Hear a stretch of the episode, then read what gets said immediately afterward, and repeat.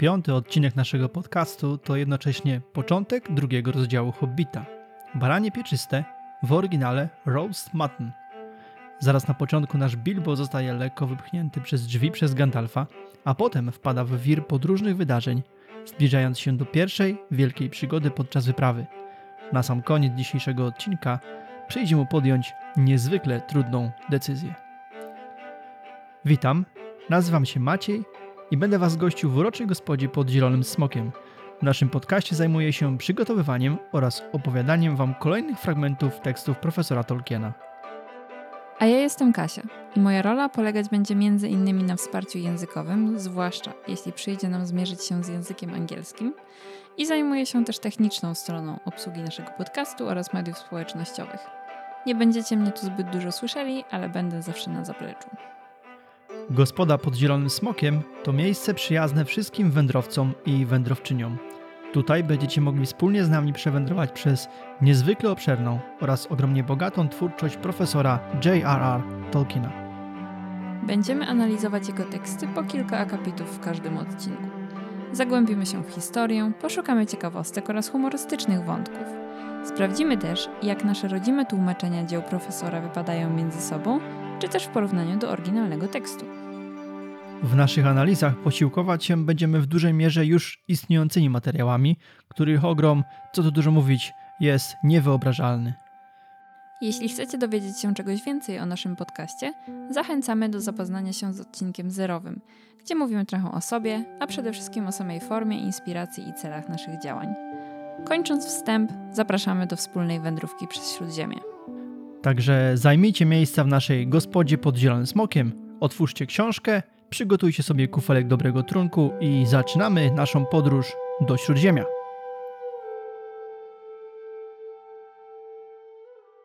Dzisiejszy odcinek zaczniemy od dwóch szybkich ogłoszeń. Po pierwsze, z radością, to jest taka na razie łamana radość, bo zobaczymy jak wyjdzie. Informujemy jednak, że od teraz następne odcinki będą się ukazywać w każdy, a nie jak dotychczas w co drugi piątek. To duża zmiana, zwłaszcza dla nas, bo musimy troszkę zagęszczać ruchy, a jak się pewnie domyślacie, prace nad każdym z odcinków i przygotowania zajmują trochę czasu. Jak pewnie też wiecie, podcast pod Zielonym Smokiem jest dla nas tylko, ale i jednocześnie aż hobby. Mamy nadzieję, że uda nam się utrzymać takie tempo, jednocześnie podnosząc jakość dostarczanego Wam materiału. Po drugie, 17 października premierem miała trzecia część z 12 The History of Middle-earth. Te 12 tomów wydanych było w języku angielskim pod redakcją Christophera Tolkiena w latach 1984 do 1996. Zawiera ona bardzo wiele materiałów jego ojca z różnych okresów twórczości, a dotyczących historii opowiedzianych na łamach tzw. Tak kanonu tolkienowskiego. Do tej pory na język polski przetłumaczone były pierwsze dwa tomy The History, czyli Księgi Zaginionych Opowieści. Niemniej wydawnictwo Zysk i spółka podjęła się karkołomnego zadania przetłumaczenia pozostałych 10 woluminów. I właśnie teraz jesteśmy świadkami pojawienia się na rynku Ballad Beleriandu, oryginalnie The Lace of Beleriand, w tłumaczeniu znakomitej niezawodnej Agnieszki Sylwanowicz oraz Katarzyny Staniewskiej. Oczywiście nie będziemy teraz się skupiać na szczegółach, zwłaszcza, że jak muszę przyznać, jeszcze nie zdążyliśmy przeczytać tej nowej pozycji, a przynajmniej nie po polsku, bo znamy tą historię y, po angielsku. Natomiast nie da się ukryć, że dochodzi kolejny element układanki tolkienowskiej do wrzucenia na półkę. To tyle słowem wstępu. A dzisiaj zaczniemy zapoznawać się z drugim rozdziałem Hobbita, zatytułowanym Baranie Pieczyste w tłumaczeniu Pauliny Breiter-Ziemkiewicz. Nie jest to zbyt długi rozdział, dlatego planujemy poświęcić na niego dwa odcinki naszego podcastu. To co? Chyba czas zanurzyć się w tekst. Zaczniemy oczywiście od samego początku. Bilbo zerwał się z łóżka i narzucając szlafrok, podreptał do jadalni. Nie zastał tam nikogo. Jednakże wszystko wskazywało, że spożyto tam obfite i pospieszne śniadanie. W całym pokoju panował okropny bałagan. W kuchni piętrzyły się stosy brudnych garnków, Wyglądało na to, że użyto niemal wszystkich należących do Bilba rondli i patelni. Czekające go zmywanie stanowiło fakt tak boleśnie rzeczywisty, iż musiał uwierzyć, że wczorajsze przyjęcie nie było jedynie koszmarnym snem, choć wcześniej taką miał nadzieję. Z prawdziwą ulgą pomyślał, że goście poszli sobie bez niego, nie zadając sobie nawet na tyle trudno, by go obudzić. I nawet nie podziękowali, dodał w myślach. A jednak nie potrafił uwolnić się od uczucia lekkiego zawodu. To go zdumiało. Pierwszy fragment, bardzo ważny od razu, żeby wejść w buty Bilba, że tak powiem. Po pierwsze, Bilbo no, wstaje mocno spóźniony, tak? Przespał moment, w którym krasnoludowie sobie poszli. W jadalni i okolicy oczywiście zauważa, że śniadanie na jego koszt zostało przyrządzone i spożyte oczywiście także. Dodatkowo goście zostawili stertę brudnych naczyń. No i ten cały bałagan upewnia go, wbrew jego nadziejom, o których tam mówił, że wczorajsza uczta z krasnoludami i Gandalfem nie była tylko złym snem. Ona się wydarzyła naprawdę. Jednocześnie Bilbo zauważa wewnętrzną ulgę, że goście poszli bez zawracania sobie głowy jego małym jestestwem. Niemniej w tym samym momencie pojawia się w jego wnętrzu pierwiastek zawodu. To go dziwi. Oczywiście mamy tu już na samym początku zderzenie obu składowych genów jego charakteru, czyli Tukowskiego i Bagginsowskiego. Każdy z tych genów odbiera ciche wyjście krasnoludów zupełnie inaczej. Zwróćcie też uwagę, że Bilbo podczas zmywania tak jakby pozbywa się tej wczorajszej yy, uczty, wieczerzy, tego co się wydarzyło wczoraj. To zmywanie jest takim katarzis, oczyszczeniem z tych bardzo nieprzyjemnych dla niego wydarzeń.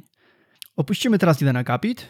Co w nim się dzieje? Otóż y, Bilbo osobiście i na głos strofuje swoją tukowską stronę charakteru, nazywając rozmyślania o smokach szalonymi bzdurami. Dodatkowo zwraca uwagę, że w jego wieku to już tym bardziej nie przystoi. Przypomnijmy, Bilbo jest 50-latkiem, czyli to jest powiedzmy odpowiednik naszego 33-letniego dorosłego człowieka. Można więc powiedzieć, że jest w kwiecie wieku, czyli nie jest jeszcze ani za stary, a tym bardziej nie jest jakiś już zupełnie nie nadający się do podróżowania i wychodzenia z domu. Ok, Hobbit zabiera się za zmywanie, zjada śniadanie. Ewidentnie wraca Baggins w pełnym wydaniu. Można ten stan nazwać spokój nic nie robienia. To taki bagginsowski styl życia. Dobra, i wracamy do naszego bohatera w momencie, w którym bezpiecznie już Baggins siada do drugiego śniadania. Do nory wkracza Gandalf, a my wracamy do tekstu. Ależ mój drogi, rzekł. Kiedy w końcu zamierzasz się zjawić? Mieliśmy wyruszyć wcześniej, a ty siedzisz tu sobie nad śniadaniem. Czy jak tam nazywasz ten posiłek? O wpół do jedenastej. Zostawili ci wiadomość, bo nie mogli czekać. Jaką wiadomość? spytał biedny pan Baggins, całkowicie zbity z tropu. Na wielkie słonie, westchnął Gandalf. Zupełnie cię dziś nie poznaję. Nie starłeś kurzu z kominka? Co ma do tego kurz? I bez tego miałem dość pracy, zmywanie po 14 osobach. Gdybyś odkurzył kominek, znalazłbyś to pod zegarem, oznajmił Gandalf, podając mu liścik, napisany rzecz jasna na papierze listowym Bilba. A oto, co Hobbit mógł w nim przeczytać. Thorin i kompania do złodzieja Bilba. Pozdrowienia! Serdecznie dziękujemy za Twą gościnność i z wdzięcznością przyjmujemy ofertę zawodowej pomocy. Oto warunki. Zapłata po wykonaniu zadania, wynosząca najwyżej 1,14 ogólnych zysków, jeśli takowe będą.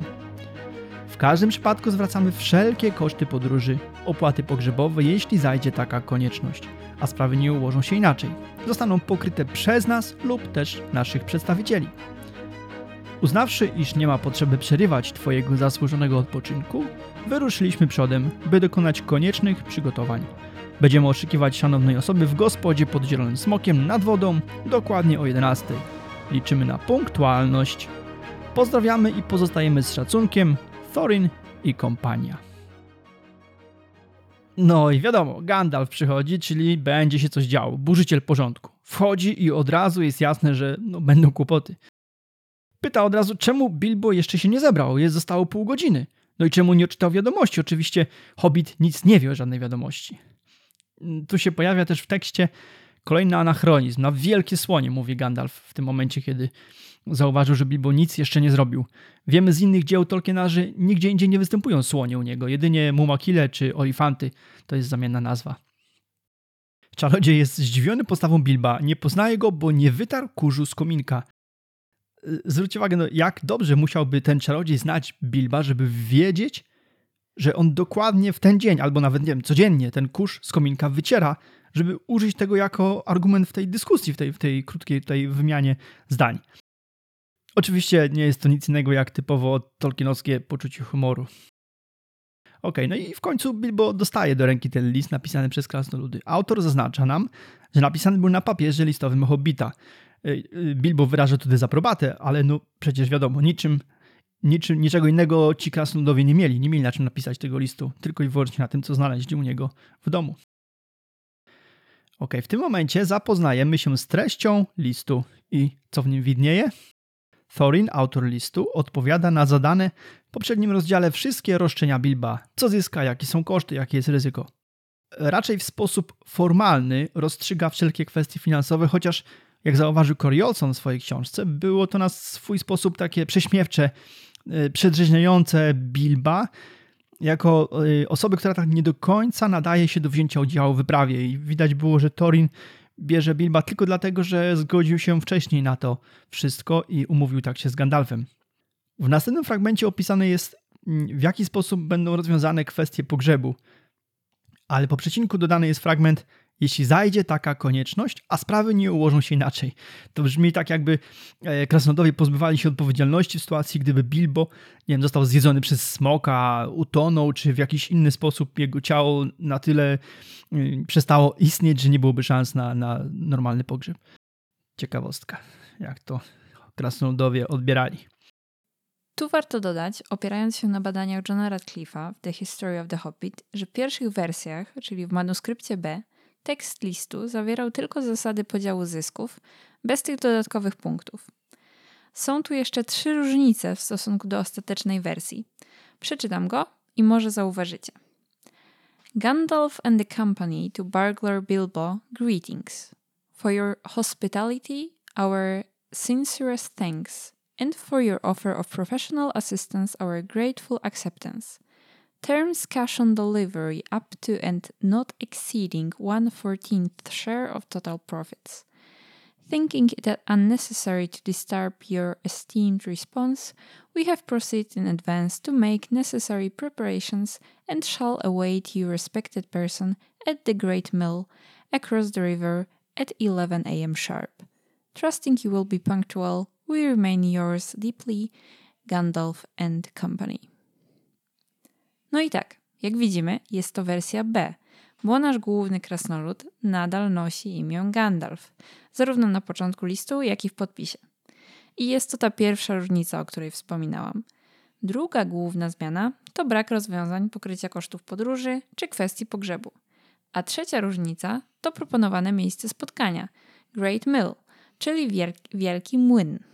Ten wielki młyn był inspirowany Sarhall Mile, niedaleko którego Tolkien mieszkał jako chłopiec w latach 1898 do 1900. Natomiast ewoluował on od Great Mill przez Green Man aż po Green Dragon Inn. Yeah, jesteśmy po raz pierwszy w tekście Tolkiena. No faktycznie. A propos nazwy najważniejszej gospody w Hobbitonie i okolicy. Douglas Anderson zauważył, że fascynacja profesora zielonymi smokami zaczęła się już w dzieciństwie. Jako siedmiolatek napisał opowieść, w której to jego matka zwróciła uwagę na kolejność wyrazów. Zamiast zielony wielki smok sugerowała użyć wielki zielony smok. Dodatkowo wiele rysunków Tolkiena zawiera smoki koloru zielonego. Tak więc jak już zostaliśmy z naszą gospodą wprowadzeni w świat, zobaczmy co się dzieje dalej z Bilbem. Pominiemy rozmowę z Gandalfem, w której czarodziej szybko ucisza każde, w cudzysłowie, ale Bilba i popędza go do wyruszenia, mówiąc znowu w cudzysłowie, zostało ci tylko 10 minut. Hobbit wybiega bez kapelusza, pieniędzy, rusza kompletnie nieprzygotowany.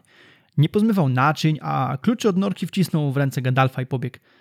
Ciekawe, czemu akurat w tym szybkim tempie wpadło mu do głowy, żeby oddać klucze czarodziejowi. Normalnie każdy chyba zabiera swoje klucze ze sobą. Może uważał go nie za bardziej kompetentnego w dźwiganiu jego kluczy. Niemniej przebiegł mile z kawałkiem, a my wracamy do tekstu. Kiedy bardzo zdyszany dotarł nad wodę, biła właśnie jedenasta. Wówczas to odkrył, że wyruszył z domu bez chustki do nosa. Brawo! Pozdrowił go Balin, który stał w drzwiach gospody, wyglądając przybycia hobita. W tym momencie za zakrętu prowadzącej z wioski drogi wyłonili się pozostali. Siedzieli na kucykach, a każdy wierzchowiec objuczony był najróżniejszymi tobołkami, paczkami, zawiniątkami i sakwami. Prowadzili ze sobą maleńkiego kuca, najwyraźniej przeznaczonego dla Bilba. No, już, siadajcie i ruszamy, polecił Torin. Szalenie mi przykro, jęknął Bilbo, ale przybyłem bez kapelusza, zostawiłem w domu chustkę do nosa i nie mam żadnych pieniędzy. Wasz list znalazłem bardzo późno, dokładnie za kwadrans 11. Nie bądź taki dokładny, odparł Walin. Nie przejmuj się, zanim zakończy się nasza podróż, nauczysz się obchodzić nie tylko bez chustek do nosa, a co do kapelusza mam w bagażu zapasowy kaptur i płaszcz. To może zaczniemy od określenia tempa przebiegnięcia mili z kawałkiem przez Bilba. Załóżmy, że musiał on przebiec 1,2 mili. Dajemy lekki nadatek, bo nie znamy dokładnej odległości z Bagent do Zielonego Smoka. Czyli to jest około 1,92 km przebiegnięte w czasie 10 minut. Daje nam to tempo niecałych 5 minut na kilometr. No, jak na amatora, bo wiadomo, że Bilbo nie uprawiał regularnie jakiegokolwiek sportu. To naprawdę nieźle, choć zrozumiałe jest, dlaczego Bilbo był zdyszany. Bieg z prędkością 11,5 km na godzinę. To nie jest mało, zważając na jego poziom wytrenowania. Jednocześnie wiadomo, pchała go adrenalina. Tutaj gen Dukowski rządził. Także istotne jest zwrócenie uwagi, że Bilbo biegł z górki. Okej, okay, na warcie stał Balin. I zauważcie, w następnych fragmentach książki często będzie on pełnił taką rolę. I ba Balin się ucieszył na widok Hobita, bo to brawo było takie yy, z wigorem. Chwilę później z za rogu na kucykach wyjechali mm, pozostali. Torin przywitał go, no chłodno, w zasadzie w ogóle nie przywitał. Powiedział tylko wsiadać i ruszamy. Bardzo oschle. Wydaje mi się, że Torin był gotów punkt 11 wyruszyć, nie dając Hobbitowi nawet, nie wiem, minuty, czy nie mówię o 15 studenckich, jakiekolwiek spóźnienie nie wchodziło w grę. Przywódca krasnoludów jeszcze kilka razy będzie tak postępował, żeby jakby zdyskredytować Bilba. A w kwestii przygotowań do wyprawy podjętej przez kompanię od samego rana, moja interpretacja jest taka. Sprzedali oni całkowicie zbędne, a na pewno coś warte instrumenty, które mieli w poprzednim e, rozdziale. Za zdobyte pieniądze zakupili oni kuce jakieś wyposażenie, prowiant. Nigdzie indziej w tekście instrumenty z pierwszego rozdziału nie pojawiają się więcej, także to jest moje punkt zaczepienia dla tego argumentu. Wróćmy szybko do przeczytanego tekstu. Bilbo prosi ich o zaczekanie, bo zapomniał chusteczki do nosa, kapelusza i pieniędzy. Kolejny raz jego rozumienie przygód jest całkowicie nieadekwatne do rzeczywistości. Proces dojrzewania hobita wciąż trwa. Niemniej dostaje on w zastępstwie kaptur od Dwalina. Opuścimy następny akapit, ale powiemy szybko co się dzieje. Kompania oczywiście wyrusza. Pięknego poranka tuż przed majem. Dokładnie jest to czwartek 27 kwietnia. Oczywiście Bilbo musi nosić za duży, ciemno-zielony kaptur od Dwalina. Autor zwraca się do nas w krótkim przemyśleniu. Co by pomyślał ojciec Bilba, gdyby go w tym zobaczył? Niemniej Hobbit czuje się o tyle komfortowo, że przez brak brody nie można go pomylić z krasnoludem. Wracamy do tekstu wraz z pojawieniem się wśród kompanii Gandalfa. Nie ujechali daleko, kiedy dogonił ich Gandalf, dosiadając dumnie białego rumaka. Przywiózł ze sobą mnóstwo chustek oraz fajkę i tytoń Bilba. Kompania ruszyła dalej w weselszym nastroju. Przez cały dzień opowiadali sobie historie i śpiewali pieśni, oczywiście pomijając chwilę, kiedy zatrzymywali się na popas. Niestety posiłki nie były tak częste, jakby sobie Bilbo życzył, mimo wszystko jednak uznał wkrótce, że przygody nie są wcale takie straszne. Gandalf dosiada białego konia. Oczywiście od razu to jest sprostowanie. Nie, to nie jest cienistogrzywy. Po pierwsze, Gandalf poznał cienistogrzywego prawie 80 lat później, w ramach początku wyprawy Froda. Po drugie, wbrew interpretacji filmowej Jacksona, ten słynny rumak nie był biały, lecz bardziej szary. Oczywiście Gandalf zabrał chusteczki oraz fajkę i tytoń Bilba. Ciekawe, czy zamknął drzwi, czy też dał klucze komuś innemu, następnemu, kto się tam napatoczył. Wszyscy ruszają w wesołym nastroju, rozmawiają i śpiewają. Jedyny element, który burzy hobbitowi obraz podróży są rzadkie posiłki. No wiadomo, on jest przyzwyczajony do wielu posiłków i dwóch obiadów. Poza tym nasz główny bohater wręcz uznaje, że przygody są całkiem ok, mimo że tak naprawdę żadnej przygody jeszcze no, nie przeżył. On na razie tylko wędruje. Dobra, i w tym momencie zrobimy dzisiejszy margines, czyli odskoczymy od czytanego tekstu po to, żeby zapoznać się z głębszymi podstawami całej historii. Zajmiemy się za chwilę analizą, jak to czarodziej doprowadził do wyprawy do Ereboru. Pamiętajcie jednak, co bardzo ważne, to co za chwilę usłyszycie, pierwsi czytelnicy Hobbita dostali do rąk 18 lat po wydaniu pierwszej powieści profesora. Zawsze powtarzamy, żebyście próbowali spojrzeć na Hobbita, książkę Hobbita, nie Bilba jako bohatera, jako pierwszą powieść napisaną przez Tolkiena. Ok, pierwszy cytat pochodzi z niedokończonych opowieści w tłumaczeniu Pauliny, Brajter-Ziemkiewicz i Agnieszki Sylwanowicz. Rozdział trzeci, wyprawa do Ereboru. Uważałem tak i nadal tak sądzę, że Sauron zamierzał wtedy uderzyć na Lorien i Rivendell tak szybko, jak tylko zdoła zebrać wystarczające siły. To byłoby dla niego najkorzystniejsze, a dla nas najgorsze. Tu chwilkę pominę. Sytuacja na północy była bardzo zła. Królestwo pod górą i potężne miasto Dale już nie istniały. Gdyby Sauron zdecydował się odzyskać północne przełęcze i dawne królestwo Angmaru, jedynie krastoludy z żelaznych wzgórz mogłyby stawić czoła jego wojskom. Miały jednak za sobą pustkowia i smoka. Smoka też mógł użyć Sauron, ze straszliwym skutkiem. Często powtarzałem sobie, muszę znaleźć jakiś sposób na to, aby pozbyć się Smauga. Dodam tylko, że ten cytat to jest wypowiedź Gandalfa, który to w Minas Tirith po zakończeniu wojny o pierścień rozmawiał na temat tego, jak wszystko się potoczyło z Frodem między innymi i Frodo właśnie zapamiętał ten tekst i go spisał. Ok, i co w tym tekście mamy? No pojawia się jakby Gandalfa sposób myślenia i co on tutaj widział za zagrożenia w istnieniu smoka, a także jakby bardziej geopolitycznie można powiedzieć. No i pojawiło się zupełnie przypadkowo rozwiązanie, ponieważ wędrując w kierunku Shire, niedaleko Bri, Gandalf spotkał Torina dębową tarczę. Krasnolud także pragnął porozmawiać z kimś pokroju Gandalfa w celu zdobycia porady. Oczywiście krasnoluda, krasnoluda trapiło pragnienie odbicia królestwa pod górą.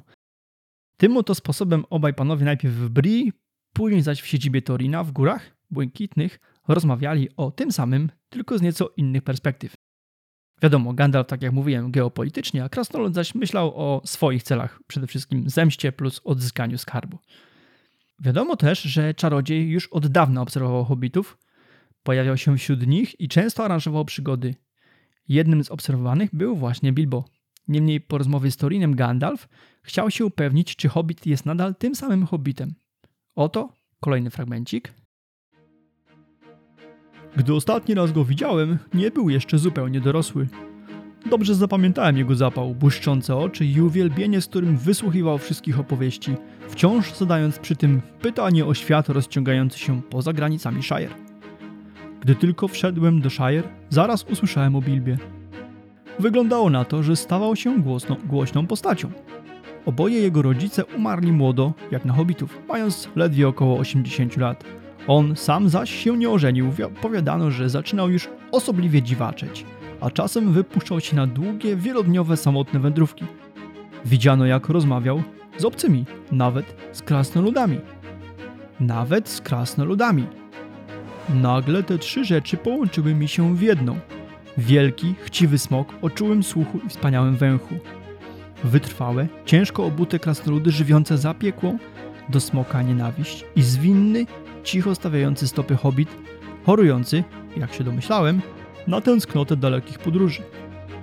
Uśmiechnąłem się pod nosem i z miejsca ruszyłem na spotkanie z Bilbem, sprawdzić jak zniósł ostatnie 20 lat i czy obiecujące plotki powiadały prawdę.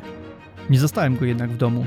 Rozpytałem o Bilba w Hobbitonie, ale wszyscy tylko potrząsali głowami. I tutaj, zaraz po tym fragmencie, który jest jakby czytelny, co nam opowiada, Gandalf przyznał, że popełnił błąd. Zachłysnął się tym, co usłyszał Bilbie, to właśnie, że on rozmawia z krasnoludami, że dziwaczeje i tak dalej. Dla hobbitów dziwaczenie oznaczało, że ktoś robi rzeczy nieprzewidywalne, a więc na przykład chociażby wędruje, podróżuje, rozmawia z y, obcymi. No i zamiast kontynuować poszukiwania Bilba, podjął decyzję, żeby wracać do Torina. Być może gdyby wtedy spotkał hobbita, zmieniłby swoją opinię – tak się jednak nie stało. Po powrocie w Góry Błękitne Gandalf, Thorin i niektórzy z innych przyszłych uczestników wyprawy długo debatowali. Krasnoludowie mieli raczej dosyć niskie opinie o przydatności małego ludu, a do tego dosyć długo opierali się na rozwiązanie siłowe i militarne, co jak się pewnie domyślacie skazane byłoby na porażkę, wiadomo. Smok był zbyt silny.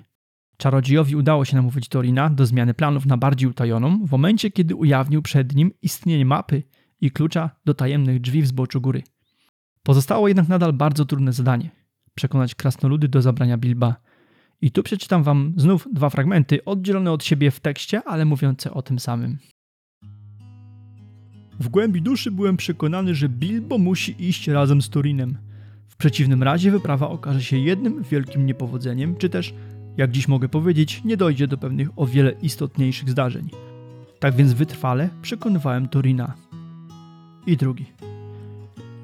Twoje sprawy mogą ci się wydawać doniosłymi, ale drobnymi są w porównaniu z całym splotem historii. A mnie interesuje wiele jej wątków. Jednak to tylko przydaje wagi moim radom, a nie odwrotnie. Słuchaj zatem uważnie, Torinie dębowa tarczo. Dodałem z zapałem. Jeśli ten hobbit pójdzie z tobą, odniesiecie sukces. W przeciwnym razie czeka was klęska. Rozważ przeto ostrzeżenie, a pamiętaj, że posiadam dar przepowiadania. Jak widzicie, w pewnym momencie Gandalf wręcz musiał pogrozić krasnoludowi nie tylko niepowodzeniem jego misji, ale także odwróceniem się przeciw niemu losowi, czy samego czarodzieja. To ostatecznie przekonało Torina, niechętnie, ale przystał na propozycję Gandalfa, choć nie ukrywał początkowej pogardy dla Hobbita. Dodatkowo, jak już się przekonaliśmy w pierwszym rozdziale, Bilbo, świadomy czy nie tego, co się właśnie dzieje, zrobił co się da, żeby pierwsze wrażenie na krasnoludach wywrzeć raczej no, niezachęcające. Koniec końców Torin nie wycofał się z danego słowa i zabrał Hobbita. To tyle, jeśli chodzi o takie szybkie omówienie procesu decyzyjnego, dziejącego się poza plecami Bilba, no i znacznie wcześniej niż ta powieść. Zapraszam też do zapoznania się z całym tekstem rozdziału trzeciego niedokończonych opowieści zatytułowanego Wyprawa do Ereboru. A zanim wrócimy do tekstu, zapraszamy na krótką przerwę. Serdecznie witamy tych i te z Was, którzy odwiedzają naszą gospodę po raz pierwszy. I przypominamy, Gospoda pod Zielonym Smokiem to nie tylko podcast. Można nas znaleźć na Instagramie pod.zielonym.smokiem, na Facebooku podcast pod Zielonym Smokiem. Czekamy też na Wasze maile na gospoda małpa pod zielonym smokiem pisane razem.com. Jeżeli podoba Wam się to, co tutaj robimy, zachęcamy do wystawiania nam najlepiej pozytywnych ocen i komentarzy oraz do zasubskrybowania kanału. Zachęcamy również do rozszerzenia naszej społeczności. Jeśli macie znajomych, którzy mogą być zainteresowani wspólnym wędrowaniem przez dzieła Tolkiena, zaproście ich pod Zielonego Smoka. Nasza strona internetowa podzielonysmokiem.com zawiera linki do wszystkich odcinków wraz z przypisami, a także przebogatą bibliotekę książek Tolkienów, J.R.R. i Christophera oraz książek o Tolkienie. Zapraszamy też do dyskusji na wszystkich dostępnych kanałach. Jesteśmy otwarci na Wasze sugestie, podpowiedzi, komentarze czy też dodatkowe informacje, które pomogą się nam rozwinąć. Tak jak mówiłem, wracamy do głównego tekstu książki w momencie, kiedy nasi bohaterowie zbliżają się małymi kroczkami ku pierwszej wielkiej przygodzie podczas wyprawy. Z początku przemierzali ziemię hobbitów, spokojny kraj, zamieszkany przez poczciwych ludzi. Tutejsze drogi były dobrze utrzymane, od czasu do czasu trafiali na gospody. Spotykali też krasnoludów bądź gospodarzy zmierzających gdzieś w swoich sprawach. Następnie dotarli do krain, w których ludzie mówili bardzo osobliwie i śpiewali pieśni, jakich Bilbo nigdy dotąd nie słyszał. Niedługo potem zagłębili się w samotne krainy, na których nie było już mieszkańców i gospod, zaś trakt pogarszał się nieustannie. Każda chwila zbliżała ich do złowrogich wzgórz, wyrastających coraz wyżej i wyżej, pokrytych mrocznymi lasami. Na szczytach niektórych dostrzegali stare warowne zamki – wyglądające jakby wznieśli je bardzo źli ludzie. Zgodnie z później stworzonymi przez Tolkiena i jego syna, bo jak pewnie wiecie, brał on czynny udział przy tworzeniu map, początek wędrówki to kraj nazwana z późniejszych prac jako Shire.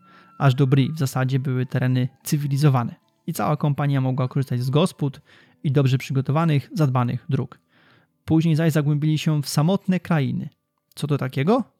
Zajrzymy do oryginału. W oryginalnym tekście nazwa ta brzmi Lonelands, ale pochodzi z wersji od 1966 roku, czyli trzecia edycja i później. Wcześniejsze wersje nie zawierają żadnej nazwy dla krainy, którą pierwotnie pokonywała kompania. Lonelands. Co to znaczy? Pierwszy składnik, lone, na podstawie Oxford English Dictionary, lacking the support of other, isolated, czyli wyizolowane, pozbawione kontaktu wsparcia z zewnątrz miejsce, zjawisko lub przedmiot. Lands to oczywiście liczba mnoga słowa land, które znowu za słownikiem to, jak można się domyślać, fragment powierzchni Ziemi niepokryty wodą. Swoją drogą nie wymyśliłabym, jak wytłumaczyć słowo land, nie, nie sprawdzając tego słowniku. Skibniewska w pierwszej wersji z 1960 roku wzorowała się na oryginale sprzed tej poprawki, czyli nie było w niej mowy o jakiejkolwiek nazwie krainy. Natomiast Polkowski użył sformułowania odludne krainy. Skąd się wzięła ta nazwa? Lone Lands to angielskie tłumaczenie sindarińskiego słowa Eriador, które Tolkien w późniejszych czasach przypisał do tego terenu. Posiłkując się dodatkiem A do trzeciego tomu Władcy Pierścieni, cytujemy.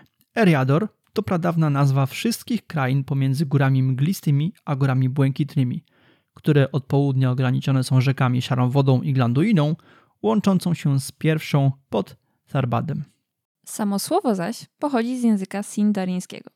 Na podstawie tolkiengateway.net mamy dwie wersje tłumaczenia wyrazu Eriador.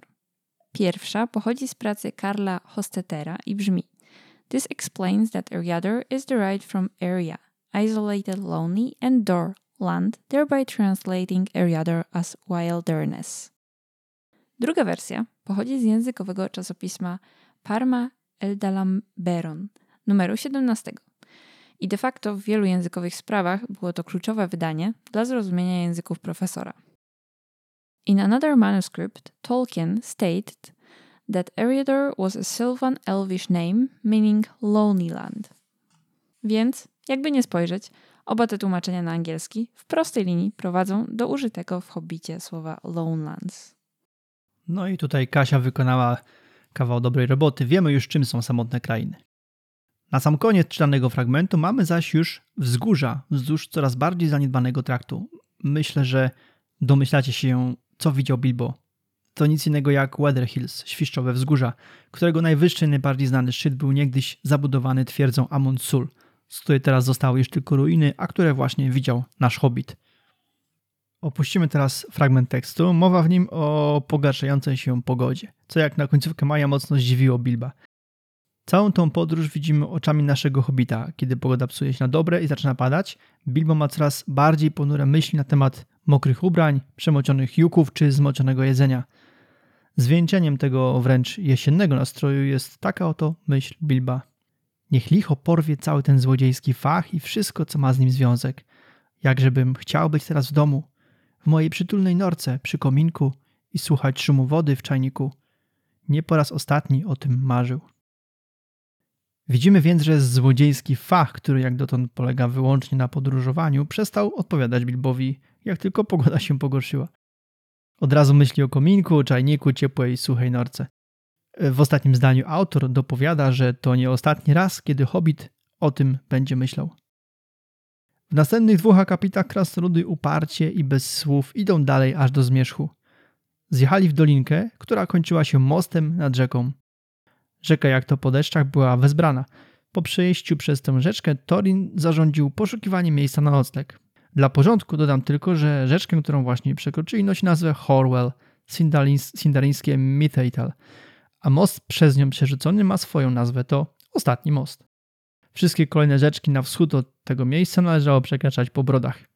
Te kilka informacji nie pochodzi jednak z naszej książki, tylko z Władcy Pierścieni. Pamiętajcie, o czym mówimy od początku. Pierwsi czytelnicy Hobbita nie mieli tych wszystkich szczegółowych danych. Zrobimy też tutaj króciutki margines. Otóż tempo podróży zdaje się być troszkę spokojne.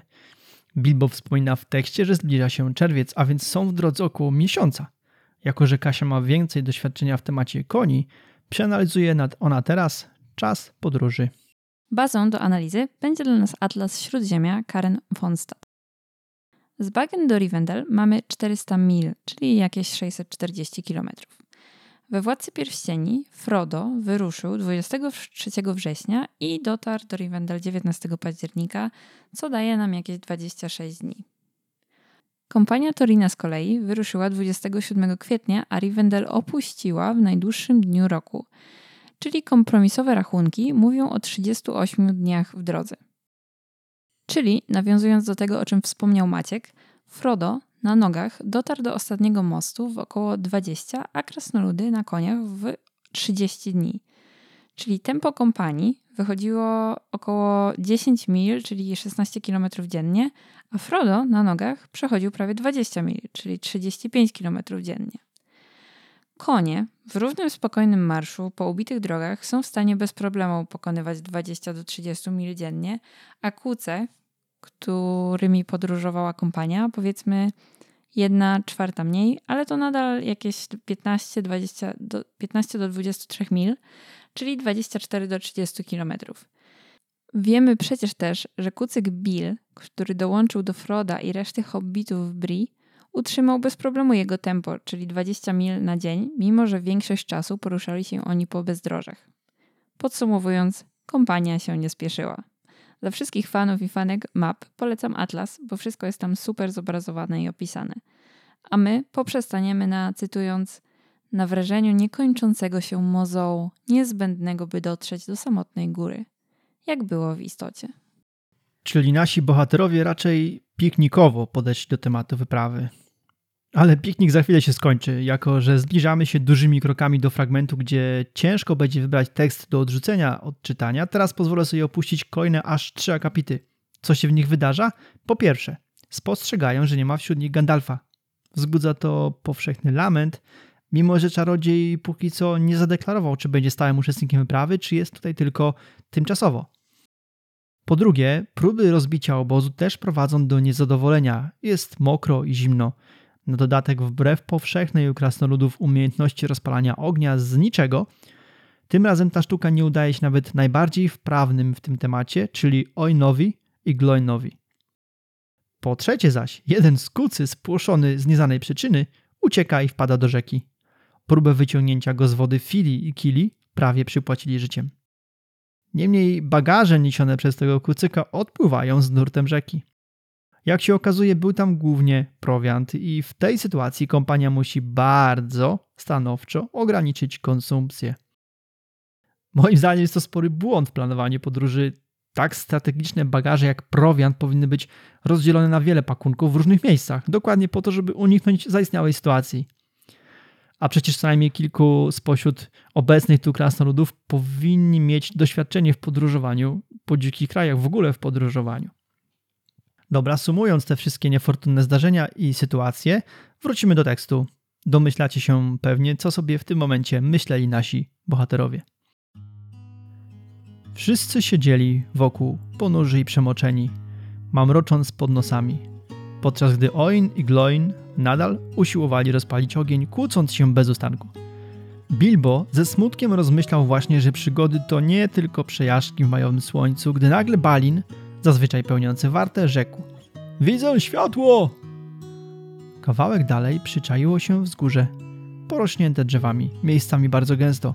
Pośrodku jednej z takich ciemnych plam ujrzeli teraz światełko, czerwonawe, przyjazne światło, które mógł rzucać ogień lub płonące pochodnie. Tak, więc dokładnie widzimy, jaki panuje nastrój. Jest dramatycznie źle. Bilbo zaś znowu myśli o domu i narzeka w głowie na przygody jako tako tak naprawdę nie zdarzyło się jeszcze nic złego, po prostu deszcz i jego konsekwencje. A zobaczcie, jak szybko spadają morale w kompanii. Tu się naprawdę jeszcze nic nie dzieje, a już jest, już jest bardzo, bardzo niskie morale. Tymczasem zaś Balin, będący kolejny raz na warcie, zauważa w lesie ogień. Autor dobitnie opisuje nam, jak wygląda światełko i z czym się jednoznacznie kojarzy. Tak jakby to ci bohaterowie właśnie to, czego potrzebują, to to jest to, z czym kojarzy im się światełko, które zobaczyli w lesie. W następnym fragmencie krasnoludowie sprzeczają się, czy iść, czy nie. Mówią o tym, jak tu jest niebezpiecznie, że nieznane tereny. Inni mówią, że przecież jest ich 14. W tekście oryginału sprzed 1966 rokiem, czyli w wersjach pierwszej i drugiej edycji, była tu wzmianka o policjantach, czyli totalny anachronizm. Brzmiał on tak. Cytuję: Policjanci nigdy nie zapuszczają się tak daleko, a rysownicy map jeszcze w te tereny nie dotarli. Oczywiście Tolkien usunął ten wpis, gdyż nie pasował do całości. Natomiast jest wzmianka o królu. Cytuję znowu: Tutejsi nie słyszeli nawet o królu. Wiadomym jest, że w czasach aktualnych wydarzeń, tutaj gdzie jesteśmy teraz z naszymi krasnoludami, ziemie te nie miały króla. Jednak nieco ponad tysiąc lat wcześniej upadło po wielu latach królestwo Arnoru które władało między innymi właśnie tym obszarem. choć nasi bohaterowie są praktycznie na skraju tych dawnych ziem królewskich. Tego typu sformułowanie, jak zauważa Douglas Anderson, nie ma funkcji historycznej. Bardziej król jest tutaj synonimem praworządności i pokoju. Ostatecznie wesoła kompania ciągle dopytuje Gandalfa, a decyzję o ruszeniu w stronę ognia przesądziła bójka, jaka zawiązała się między Gloinem i Oenem. Ruszają więc w stronę oświetlonej polanki i jak zauważa Bilbo, robią to strasznie głośno, wywołują strasznie duże hałasu. W końcu, już całkiem blisko, dostrzegają światełko na polance i tutaj wracamy do czytania. Teraz kolej na złodzieja, oznajmili, mając na myśli Bilba. Ruszaj naprzód i dowiedz się wszystkiego o tym świetle. Skąd się bierze i czy rozsądnie i bezpiecznie byłoby do niego podejść. Polecił hobbitowi Torin. Biegnij już i wracaj szybko, jeśli wszystko będzie w porządku. Jeśli nie, wróć w miarę możności. A gdybyś nie mógł, huknij dwa razy jak sowa i raz jak puszczyk, a my zrobimy, co zdołamy. Torin i krasnoludowie nie mają póki co tak jakby żadnego szacunku dla Bilba. Zwróćcie uwagę, oni sobie doskonale zdają sprawę, że Bilbo nie jest włamywaczym złodziejem. Oni o tym wiedzą. Ba, on nigdy nie brał udziału w żadnej przygodzie. Tymczasem świadomie wypychają go przed szereg i wysyłają na misję. No i te słowa Torina. Huknij dwa razy jak sowa, raz jak puszczyk. Nie macie wrażenia, że krasnolud się z Hobbita nabija? Być może jak Bilbo odejdzie, kompania wybuchnie długo wstrzymywanym śmiechem. A już szczytem bez, bezczynności są te ostatnie słowa, a my zrobimy, co zdołamy. Czyli nawet w słowach krasnolud wyraża ewentualność udzielenia pomocy. Nie ma żadnego bohaterskiego deklarowania, że natychmiast ruszymy z odsieczą. Parafrazując, robię co mogę, a że niewiele mogę, to niewiele robię. Dobra, przeskoczymy fragment, w którym Bilbo rusza go po lance. Autor skupia się w tym akapicie na niesamowitej umiejętności poruszania się bezgłośnego po lesie. Nawet dzika zwierzyna nie zwróciłaby uwagi na składającego się hobita. Tymczasem dociera on na skraj polanki i tu się zbliżamy już do wydarzeń, które będą miały ogromne znaczenie. Pierwsza przygoda tuż, tuż. Oto co widzi Bilbo. Trzy ogromne postacie siedziały wokół wielkiego ogniska z brzozowych kłód. Olbrzymi piekli barana na długich kijach, oblizując z palców mięsny sos. W powietrzu roznosił się smakowity zapach. Obok stała baryłka zacnego trunku, a biesiadnicy popijali ze sporych kubków. Tyle, że to były trole. Niewątpliwie trole. Nawet Bilbo, mimo że wiódł dotąd spokojne życie, natychmiast to spostrzegł. Rozpoznał wielgachne, grubo ciosane twarze, potężne sylwetki i nogi, nie mówiąc już o języku, który trudno byłoby nazwać salonowym. Baranina wczoraj, baranina dzisiaj i niech szczeznę, jeśli jutro nie zapowiada się także baranina. Mruknął jeden z troli. Od dawna już nie mieliśmy w gębie choćby kawałka ludzkiego mięsa. Poparł go drugi. Nie mam pojęcia, co sobie myślał William, sprowadzając nas w te okolice. A co gorsza, kończy nam się piwo. Dodał, szturchając w łokieć Williama, który pociągał właśnie długi łyk z kubka. William zakrztusił się. Zamknijcie pyski! Warknął, odzyskawszy oddech. Spodziewacie się, że ludziska będą tu przychodzić tylko po to, byście ich z Bertem zjedli? Odkąd zeszliśmy z gór, we dwóch pożarliście już półtorej wsi. Czego jeszcze chcecie? Bywały czasy, kiedy rzeklibyście Dziękujemy ci, Bill, za ten ładny kawał tłustego barana z doliny. Odgryzł sporo kęs pieczonej baraniny nogi i otarł usta rękawem.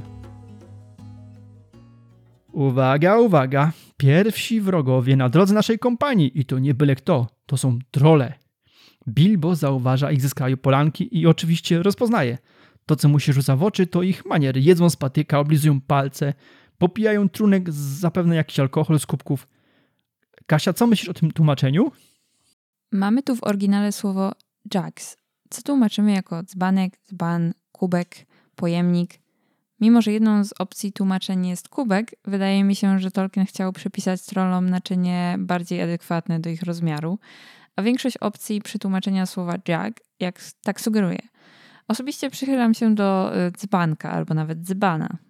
Też mi się wydaje, że kubek nawet duży mógłby nie spełnić wymogów troli. A jak to słowo przetłumaczyli inni? Polkowski użył po prostu kubków, Brajtej Rzeciemkiewicz sporych kubków, a Skibniewska zastosowała dzbanki. czyli po cichu opowiadamy się za wersją Skibniewskiej. Co dalej? Mamy krótki opis troli, wielgachnych, topornych i grubociesanych. Jest też mowa o języku nie salonowym. Dobra, słuchajcie, dla wyjaśnienia, bo w dzisiejszym odcinku zrobiliśmy już spory margines na temat Gandalfa i jego spotkania z Torinem, czyli genezy całej wyprawy. Była też duża analiza dystansów, tempa poruszania się naszych bohaterów. Dlatego wyjaśnienie skąd pochodzą trole przerzucimy na następny odcinek. Obiecuję, że zajmiemy się tym dosyć szczegółowo. Dzisiaj jednak, ryzykując wydłużenie odcinka, omówimy jeszcze kwestie językowe, ale to za chwilę. Wróćmy do komicznego dialogu troli. Bilbo słyszy rozmowę od momentu, gdy jeden z nich zaczyna narzekać na kolejny dzień baraniny. Drugi mu odpowiada, jak to tęskni za ludzkim mięsem. Narzeka też na trzeciego z nich, Williama, który sprowadził ich w te okolice. Zaczepiony William odpowiada, jak to pozostali dwaj powinni być mu wdzięczni. Zjedli już półtorej wioski. Na szczęście nie poznajemy konkretnej cyfry, ile to było osób, a teraz narzekają na barana, gdzie w innych okolicznościach byliby mu za to wdzięczni. Popatrzcie, trzy trole są nam ukazane w nieco komicznej rozmowie. Mają ordynarne brytyjskie imiona. Do tego jawią się nam jako lekko przygłupawe, skory do kłótni, mało rozumne istoty. Jednak, co podkreśla Olson w swojej książce, oczywiście to jest powieść dla dzieci. Stąd takie, a nie inne przedstawienie troli. Jednak zdajmy sobie sprawę, to są zabójczo niebezpieczne istoty. Zdolne zabijać i zjadać swoje ofiary są e, wystarczająco groźne i silne, że jak się dowiemy w następnym odcinku, nawet elfowie się tej trójki obawiali. Także nie dajmy się mamić tolkienowskim gierkom, to są prawdziwe potwory.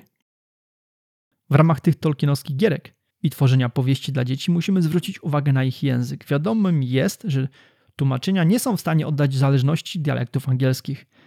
Niemniej, jak zauważają badacze, w tym na przykład Anderson, w Hobbicie z objaśnieniami, profesor zastosował tutaj język londyńskich klas niższych. Był on znany jego dzieciom w trakcie powstawania książki i Tolkien zastosował go jako źródło humoru. Co ważne, dzieci Tolkiena raczej zgodnie uznawały przygodę z trollami za zdecydowanie najlepszy moment w książce. Być może jest to też związane z tym humorystycznym ukazaniem potworów. Niemniej musimy tu zajrzeć do oryginału. Skupimy się tutaj na odpowiedzi Williama do dwóch pozostałych troli. Przeczytam wam angielską wersję. Shut your mouth, he said as soon as he could. You can't expect folk to stop here forever just to be ate by you and Bird. You've had a village and a half between you since we came down from the mountains. How much more do you want? And time's been about way when you have said, Thank you, Bill, for a nice bit of a fat volley mutton like what this is. Dialekt, który zastosował Tolkien, nazywa się Cockney.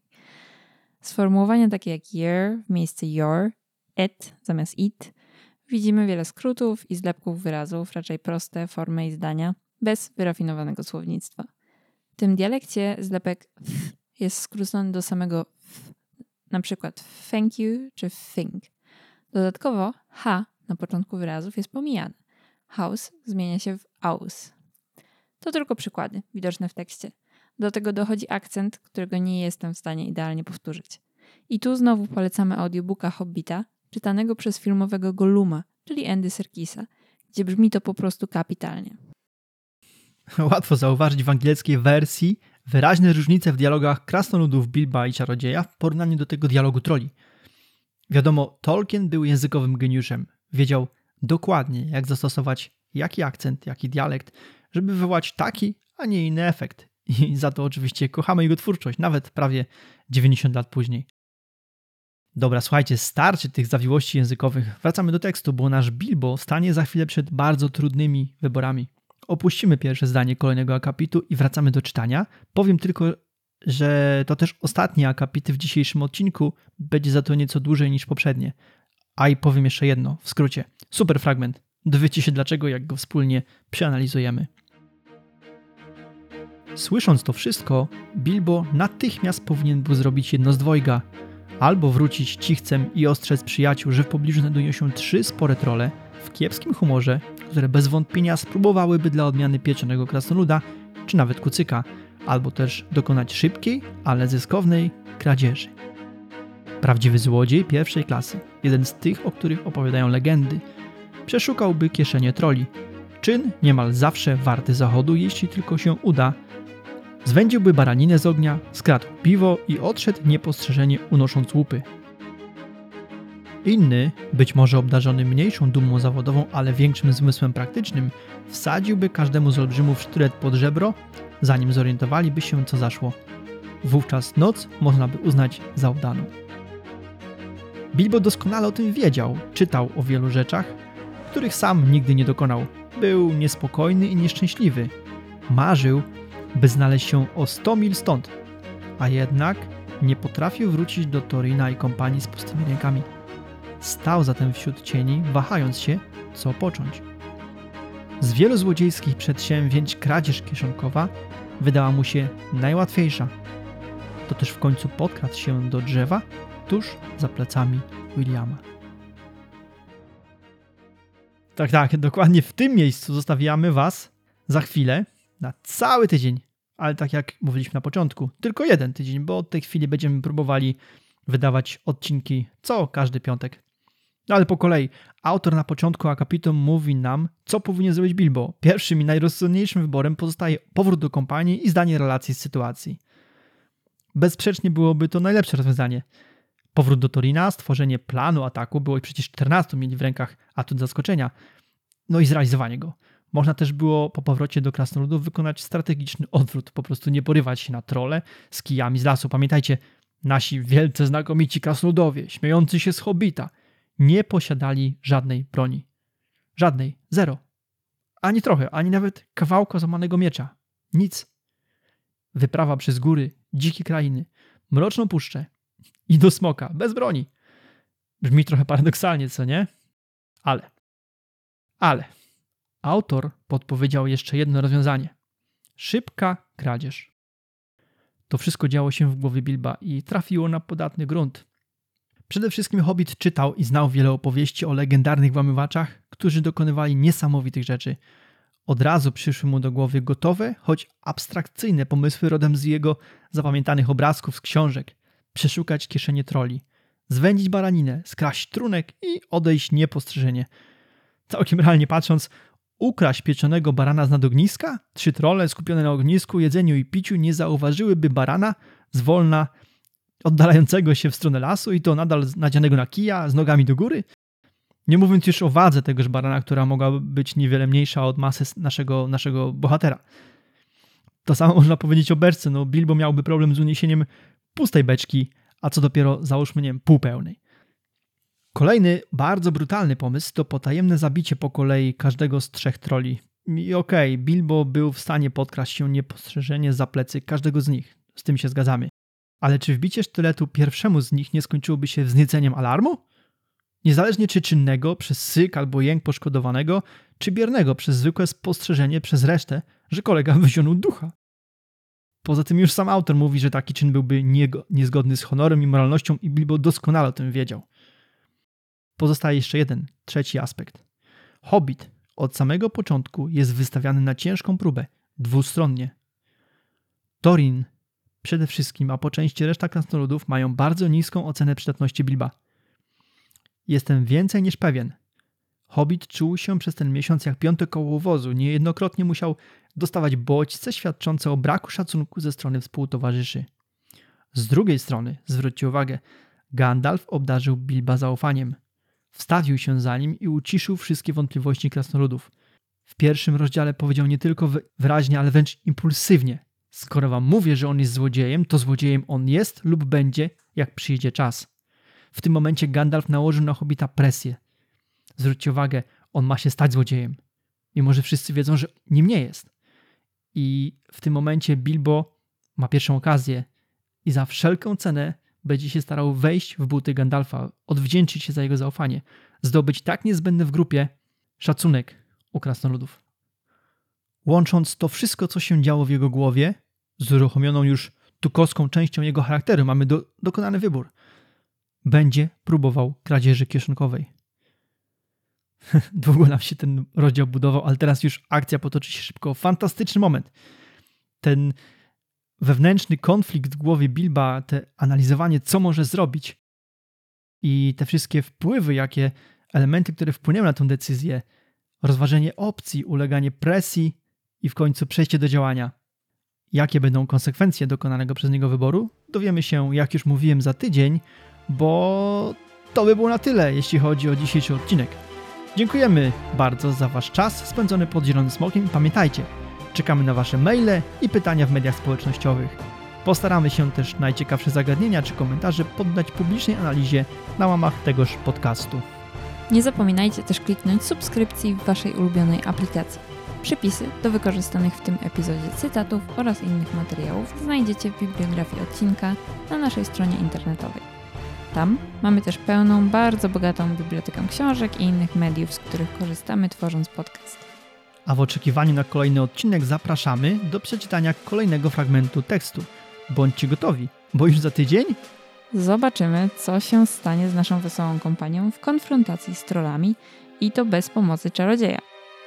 Do usłyszenia w podcaście pod Zielonym Smokiem za tydzień. I jak mówił Gandalf, niech wiatr niesie wasze skrzydła tam, gdzie słońce żegluje i gdzie przechadza się księżyc.